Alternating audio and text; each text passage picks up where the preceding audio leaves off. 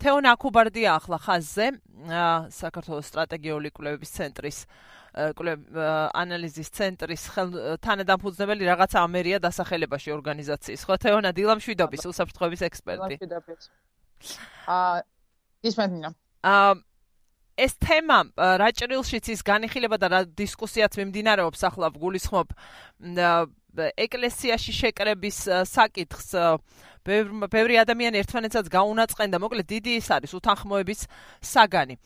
სინამდვილეში რა იწევს ამას თქვენი აზრით და საერთოდ რაჭრილში უნდა იხილებოდეს ეს და მინდა კითხოთ იმაზე როგორც უსაფრთხოების ექსპერტს რა იმაზე თუ რა თან მიმდევრობით რამდენად ესე ვთქვათ აწყობილად მოხდა მიღება გადაწყვეტილების საგანგებო მდგომარეობის შემოღების შესახებ და რა გაკლიათ დღეს თქვენ? რა საკანონმდებლო გნებავთ საფუძველი ან ნორმატიული საფუძვლები ამ მდგომარეობის განხორციელებისთვის? ა ნინო დავიწყებ მეორე კითხვით თქვენ ეს ნებართვით პირველ რიგში რეალურად ჩვენ თუ გადავხედავთ იმ ვითარებას რომელიც დღეს სოფლიოში ხდება მათ შორის ბევრ განვითარებულ ქვეყანაში ვფიქრობ რომ ის სტატისტიკა რაც საქართველოში არსებობს COVID-19 და ინფიცირებულ ადამიანთა შესახებ ნამდვილად ბევრად უკეთესია, ვიდრე ეს არის განვითარებულ ქვეყნებში.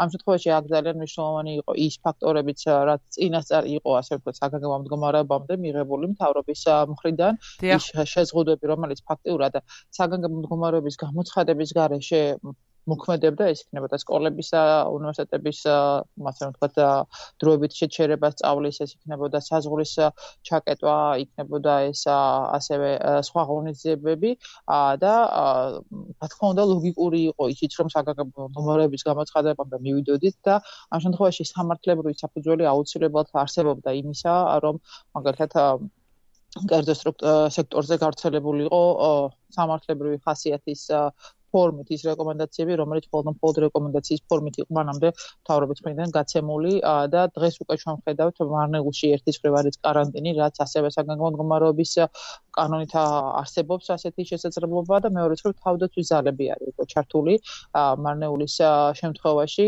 და თავდაცვის მინისტრი ღარიბაშვილი წერს უკვე თავდაცვის ძალების ჩართულობაზე, რომელიც ასევე ახალი კონსტიტუციით, ამ კონსტიტუციის შვილებებით უკვე პრემიერის გადაწყვეტილებით ხდება თავდაცვის ძალების გამოყენება უკვე საგანგებო მდგომარეობის შემთხვევაში.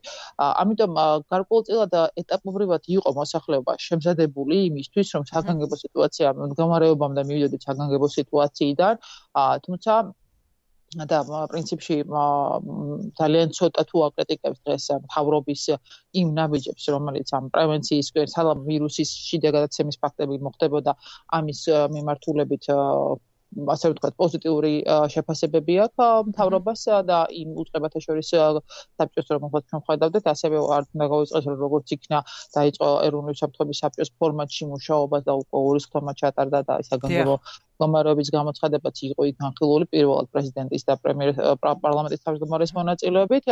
თავარი რაც აქ ამ შემთხვევაში მე პირადად მაკლია და ალბათ ყველაზე დიდი პრობლემა არის დღეს სწორედ ის ფინანსური მდგომარეობა, რომელიც დადგა ამ პანდემიის გავრცელების გამო და იმ შეზღუდვების გამო, რომელიც საგანგებო მდგომარეობამ დააწესა, უკვე არიან თვითდასაქმებულები, აქ არიან ადამიანები, რომელთაც ჰქონდათ პატარა ბიზნესი, მაღაზიების მფლობელები და ზოგადად ყველაზე მთავარი რაც ამ შემთხვევაში არის პირველ ჯერზე გასაკეთებელი არის კონკრეტული ეკონომიკური გეგმის წარმოქმნა მოკლევადიან კონტექსტში როგორ ხედავს თავრობა რომ დაეხმაროს ასეთი ადამიანებს და ვიცით რომ გარკვეულწილად სერიოზული ზრები მოყვება ამ ყველაფერს სოფლიოს მასშტაბით ეკონომიკური კუთხით ყველაზე დიდი გავლენა ეკონომიკაზე ექნება ქვეყნების და საქართველოს კონე საქართველოსთან პატარა ქვეყნისთვის რომელიც ეკონომიკა ისედაც არ სწორ ისე სახელმწიფო მდგომარეობაშია ამ შემთხვევაში შემთხვევაში რა განმტკიცებაში ვიქნებით და სამი თვის შემდგომ, როდესაც რაღაცა მოხდება სასწაული, ჯერ კიდევ არ ვიცით ხო, როდის მოხდება პანდემიის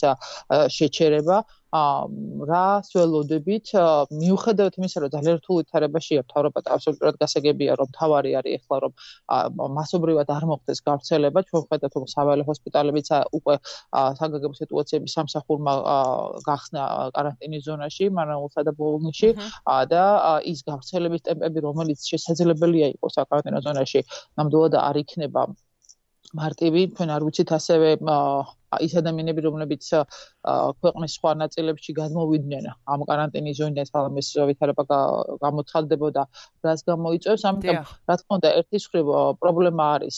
პანდემია, მაგრამ მეორე მხრივ არის კრიზისული გეგმა, რას ვაკეთებთ? და განსაკუთრებულად იმ შემთხვევაში, რა ჩვენ ხედავთ ახლა განვითარებული ქვეყნების შემთხვევაში არის გარკვეულწილად ფინანსური დახმარებები მოსახლეობაზე, იქნება ეს 2500 ფუნტი ბრიტანეთის შემთხვევაში, გარკვეული თანხა არის ასევე სხვა მიმართულებებით ეს კომუნალურ გადასახადებზე, აქ ელემენტარულ საარსებო პირობებზე არის საუბარი, ძალიან მსური არის ამ ვითარებაში. და ალბათ ეს არის ახლა ერთ-ერთი მნიშვნელოვანი გარდა იმისა, რომ მასიურად არ მოხდეს გავრცელება პანდემიის და შეძლოს მთავრობამ რომ არსებობდეს სამედიცინო უზრუნველყოფის შესაძლებლობა იმ ადამიანებისთვის, ვინც საჭიროებს ჰოსპიტალიზაციას.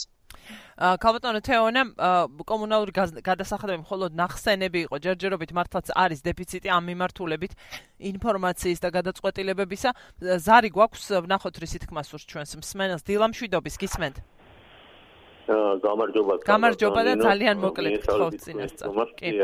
კალბატონო თეონა ჩვენ ხედავთ რომ სოფლიოში ხო თეონა რო სოფლიოში კორონას ოცნება არის განადგუროს მოსახლეობა დამოცნება კორონისას ამერიკა ებძვის 1 ტრილიონის გამოყოფით რომ მოსახლეობა დროებით დასვა სახში ინგლისმა გამოყო 70 მილიარდი სხვა სხვა ქვეყნები უკმებენ პროცენტებს კომუნალურ გადასახადებს პენსიონერებს თური თავი დახმარების სამლებისთვის და ჩვენი ხელისუფლების ოცნება ხედავთ რომ არის ხოლმე და ხოლმე თუ დახუჭობანა ეთამაშოს კორონავირუსს და არაფერს აკეთებს იმით დაკავშირებით რომ ის დიდი საპრემიო საგანამატო ხარჯი რომელიც უკვე პრაქტიკულად არავის არ ეკუთვნის გარდა ექიმებისა გაუშვას იმ სოციალურ საკითხებში. აი პენსიონერებს 1000 ლარი მაინც ჩაურიცხოს წამლის ფული. ბარათი 1000 ლარი მაინც კი ბატონო ამაზე ლაპარაკობთ სწორად ზუსტად ამაზე საუბრობთ ეს კომუნალური გადასახად გადასახადების ფული და ასე შემდეგ. და კიდევ გინდათ მრავალშვილენდები გასაგები. ა დახუჭობანის გარდა ჩვენ ვერაფერს ვხდე რა შეიძლება ეს დაუჯეს ხოლმე ნუ ეხდება რომ ეს ბოლომდე აგრძელდება ოცნების ოცნება არ ჩანს ჩვენ. ხმად ხმადლობთ ადამიანის საკითხით გამოხატული მაინც და მაინც. დიდი მადლობა ზარისთვის. გისმენთ. მადლობა, ნინო, პრინციპში ჩვენ გვახსოვთ საგანგებო სიტუაციის ბიუჯეტზეც ისაუბრა პრემიერმა, როდესაც დაანონსა საგანგებო სიტუაციის გამოცხადებაზე გადაწყვეტილების მიღება და პრეზიდენტს გაუგზავნა ეს ფორმალურად. მაგრამ რა ვიცით კონკრეტულად? მაგრამ არაფერი არ ვიცით ამ საგანგებო ბიუჯეტზე. იყო თუ გახსოვთ თქვენ განცხადება, რომ ქართულ ბანკი მზად იყო დახმარებოდა მთავრობას საჭიროების შემთხვევაში სალამეს კრედიტის გამოსწორება და არ ვიცით ეხლა რა ვითარება მემართულებს. ამიტომ ერთის მხრივ რა თქმა უნდა მნიშვნელოვანია რომ ეს ამასობრივ ხასიათი არ მიიღოს გავრცელებამ და შიდა გავრცელება შეაჩეროს თავად სასიცოცხლო მნიშვნელოვანია, იმიტომ რომ სიცოცხლეები გადარჩეს. მაგრამ მე რას ეკონომიკური ნაწილში ჯერჯერობით არაფერი არ არის და აქ თავარი არის ხა ის რომ აგერ თვის ბოლო არის და კომუნალურები შეიძლება იყოს ასე ვთქვათ შეწყვეტილი და ამ პირობებში რა რამე გეგმა თუ აქვს თავრობას ის ადამიანები რომლებსაც არ შეუძლიათ გასვლა სახლიდან როგორ ხდება მოხალისეების ჯგუფის ორგანიზება ვინც საბინაზე მიაწვის საკვებ პროდუქტებს ხა მე ის შემთხვევაში კარგი იყო ეს ბავშვებს საბავშვო ბაღების დახურის შემდგომ პროდუქტები მიაწოდეს, მაგრამ არიან ბევრი ასაკოვანი ჯგუფი, ხა არის ქვეყნები, რომ სადაც ასაკოვანი ჯგუფ კატეგორია საერთოდ ეგზალება სახელიდან გამოვა. ამიტომ ბევრი კითხვა არსებობს იმ პრაქტიკიდან გამომდინარე, რომელსაც ჩვენ ვხედავთ, ტესტები კიდევ ერთი მნიშვნელოვანი ფაქტორია, განსაკუთრებით იმისთვის, რომ არ გავრცელდეს მასობრივად ეს არეალი, ტესტებზე იყო საუბარი, რომ გარკვეულწილად არის შეკვეთა და ელოდებიან, მაგრამ ასევე სხვა ქვეყნების მაგალითი არსა და ასევე სოფლიო ჯანდაცვის ორგანიზაცია საუბრობ ტესტების აუცილებლობაზე და თქვენი მეორე კითხვასაც მინდა შევეხო რელიგიასთან დაკავშირებით და მასობრივ შეკრებებთან დაკავშირებით რა თქმა უნდა რელიგიათან ბოდიში თეონა ვიდრე მიპასუხებ აგერ მაყურებელი გწერს იმავე თემაზე და ერთად გვიპასუხებ შემოვიერთებ მასაც რომ იტყვიან წავიკითხავ. რა სამართლებრივი ბერკეტი გააჩნია სახელმწიფოს აღმოფხრას ადამიანთა შეკრებები იქნება ეს რიტუალური თუ სხვა სახის შეკრება?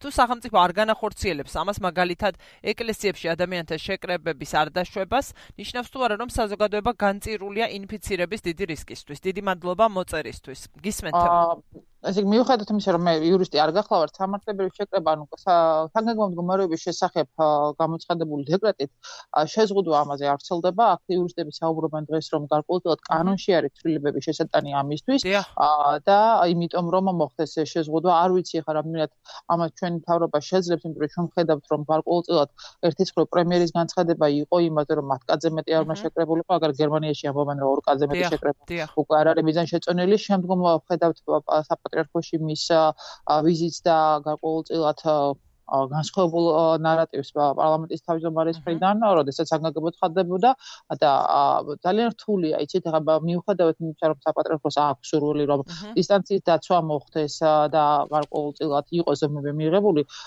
ბევრი არის დამოკიდებული მრევლზე. რა თქმა უნდა, დისტანციის დაცვა მით უფრო ყველაზე საშიში ახლა რაც არის ამ შემთხვევაში არის აღდგომის პერიოდი და ჩვენ მარნეულის შემთხვევაში გუშინ პრემიერმა აღწენა რომ რელიგიური დღესასწაულიც იყო ერთ-ერთი ფაქტორი იმისა რომ каранტინის ზონა არის დღეს გამოცხადებული ცოტა კი დააგვიანდათ ამ კუთხით კი ყველა ამბობს ამ დააგვიანდათ თუმცა აი ამ ამ დღეებში იყო ეს რელიგიური დღესასწაული და ამიტომ რისკები რა არის არ ვიცით ჩვენ. მესმის აბსოლუტურად ერთის ხრივ პოზიციას აპატრიარქოსი მეორეს ხრივ იმ ადამიანების რომლებიც ხელავენ ამ გადაწყვეტ გადაწყვეტილებიდან გამომდინარე, მაგრამ როდესაც ირანის სულიერი ლიდერი იღებს გადაწყვეტილებას, რომ მოხდეს შეჩერება ამ ლიტურგიის ხო, როგორც ჩანს, ასეთი მაგალითები არ გამოდგა. სოფლიო პატრიარქიც კონსტანტინოპოლის და სხვა ბევრი რელიგიის კონფესიების წარმომადგენლები რაღაცა კონსენსუსი უნდა შედგეს და ფაქტორები უნდა არსებობდეს. ანუ გარკვეულწილად ეს რასაც ხედავ მე დაპირისპირებაში გადადის მორწმუნე ადამიანებსა და ამიტომ ამბობ სხვა ჭრილში იხილება რომელიც მხოლოდ დაპირისპირებას იწვევს კი. ყოველდღიურად ურსაფრთხოების ტოვებს ის რომ თუ ადამიანი მიდის ეკლესიაში ამ შემთხვევაში უკვე რისკია სხვა ადამიანისთვის. პრობლემა არის საკმაოდ გნობიარე თემა არის ამიტომ მნიშვნელოვანია რომ გარკვეულწილად თავრობა რომელიც არის პასუხისგებელი ადამიანების სიცოცხლეზე და უსაფრთხოებაზე გარკვეული ნაბიჯები იყოს გადადგმული გუშინ პრემიერმა კიდევ ერთხელ ახსენა ამის საჭიროება თუმცა რა თქმა უნდა არა ინფორმით რა ფორმითაც ბევრი ისურვებდა რომ ეს ყველაფერი ყოფილიყო და თავარი რისკი ალბათ ამ გავრცელების კუთხით არის აღდგომის პერიოდი როდესაც ხდება უფრო მეტი ადამიანისა და ეკლესიაში მისვლა და უფრო მეტი მისვლა მოსვლა. აი რამდენად შეძლებს ჩვენ ქართველები ახლა იმას რომ ერთმანეთთან სტუმრად არ მივიდეთ, არ მოხდეს სასაფლაოებზე ის რასაც როგორც წესი აკეთებთ ხოლმე, როდესაც ვიდიან თავენ მიცვალებულებს სასაფლაოზე და ხდება გარკვეულად სუფრის მოწყობა. ანუ ეს ბევრი ბევრი ფაქტორი და რისკი არის, რომელიც შესაძლებელია კიდევ უფრო დაამძიმოს ვითარება. ამიტომ საინფორმაციო კამპანია ერთი ცხრა ძალიან მნიშვნელოვანია და რაღაცა კოორდინირებული გეგმა ალბათ თავრობის მხრიდან, რომელიც სხვადასხვა რისკ ფაქტორებს გათვლის ისე რომ მინიმალური ზიანი მიიღოს ქვეყანამ ამ ვითარებით. და სულ ცოტა და ფაქტიურად დრო აღარ გრჩება საუბრის მსმენელი გველოდება და არ მინდა გავაწყილო დილამშვიდობის გისმენთ. გამარჯობა. ბოდიში რო გალოდინეთ გისმენთ. გამარჯობა ქალბატონო თეონა. აქ წინა გამომსვლელმაც ისაუბრა რომ საარჩევნო წერია და ხელისუფლება ანგარიშს რელიგიურ ლიდერებსო და ჩემი აზრით საქმე ეხება შიდა საეკლესიო უთანხმოების შესაძლებლობას ანუ სქიზმის რისკს და ამას სინოდს სხვა გადაწყვეტილების მიღება არ შეძლო. საკმარისია შეეცვალა ზიარებისა და მრავალრიცხოვანი საღდგომო საეკლესიო რიტუალების ჩატარების წესი, რომ გამოვიდოდა ბატონი პეტრეცავა და იტყოდა, რომ ისინი არ უღებენ საეკლესიო კანონიკას. ეხლა ალბათ გამოვადა პროგრესული საეკლესიო მოღვაწის სახით წარდგება, ასე რომ პასუხისგებლობის აღება ისე მთავრობას მოუწევს. მე ვფიქრობ, რომ საეკლესიო ლიდერებს აწყობთ ამჟამად, რომ მთავრობას დაბრალდეს საეკლესიო რიტუალების აკრძალვა და ისევ ამათ უნდა აიღო თეონ ამის პასუხისგებლობა დიდი დიდი მადლობა დიდი მადლობა ამ ზარისთვის. თეონ ამოგვეწურა თითქმის დრო აი ნახევარი წუთი გისმენ კი ბატონო, რა თქმა უნდა, ისევ და ისევ პასუხისგებლობა ერთის ხრივ სამართლებრივი არის თავრობის რომ იზრუნოს ადამიანების სიცოცხლეზე, ასევე თითოეული მრევლის გადაწყვეტილებაც არის მნიშვნელოვანი, რომელთაც რომელიც იღებს გადაწყვეტილებას მივიდეს თუ არ მივიდეს ტაძარში და ის დისტანცია, რომელიც არის რეკომენდებული, როგორ შეძლებს ამის დაცვას.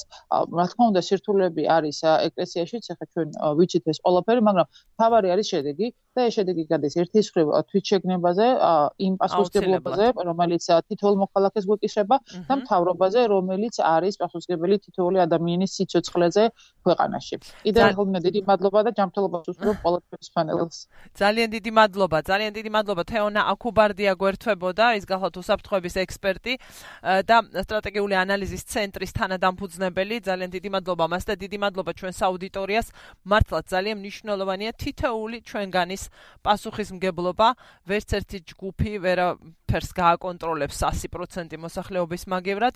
მნიშვნელოვანი არის ის, რომ ჩვენ მოგაწოდოთ ასევე ინფორმაცია მაქსიმალურად რაც შეგვეძლება. მე გემშვიდობებით ხვალამდე რადიო თავისუფლების დილის საუბრებს უსმენდით თქვენ თვალყური გვადევნეთ ინტერნეტში, გეტყვით რომ ოფიციალური რიცხვი ამ წუთამდე საიტზე stop.gov არ შეცვლილა 54-ია დადასტურებული შემთხვევები. გემშვიდობებით ხვალამდე ლაპარაკობს რადიო თავისუფლება ჯანმრთელობას Kesorwept.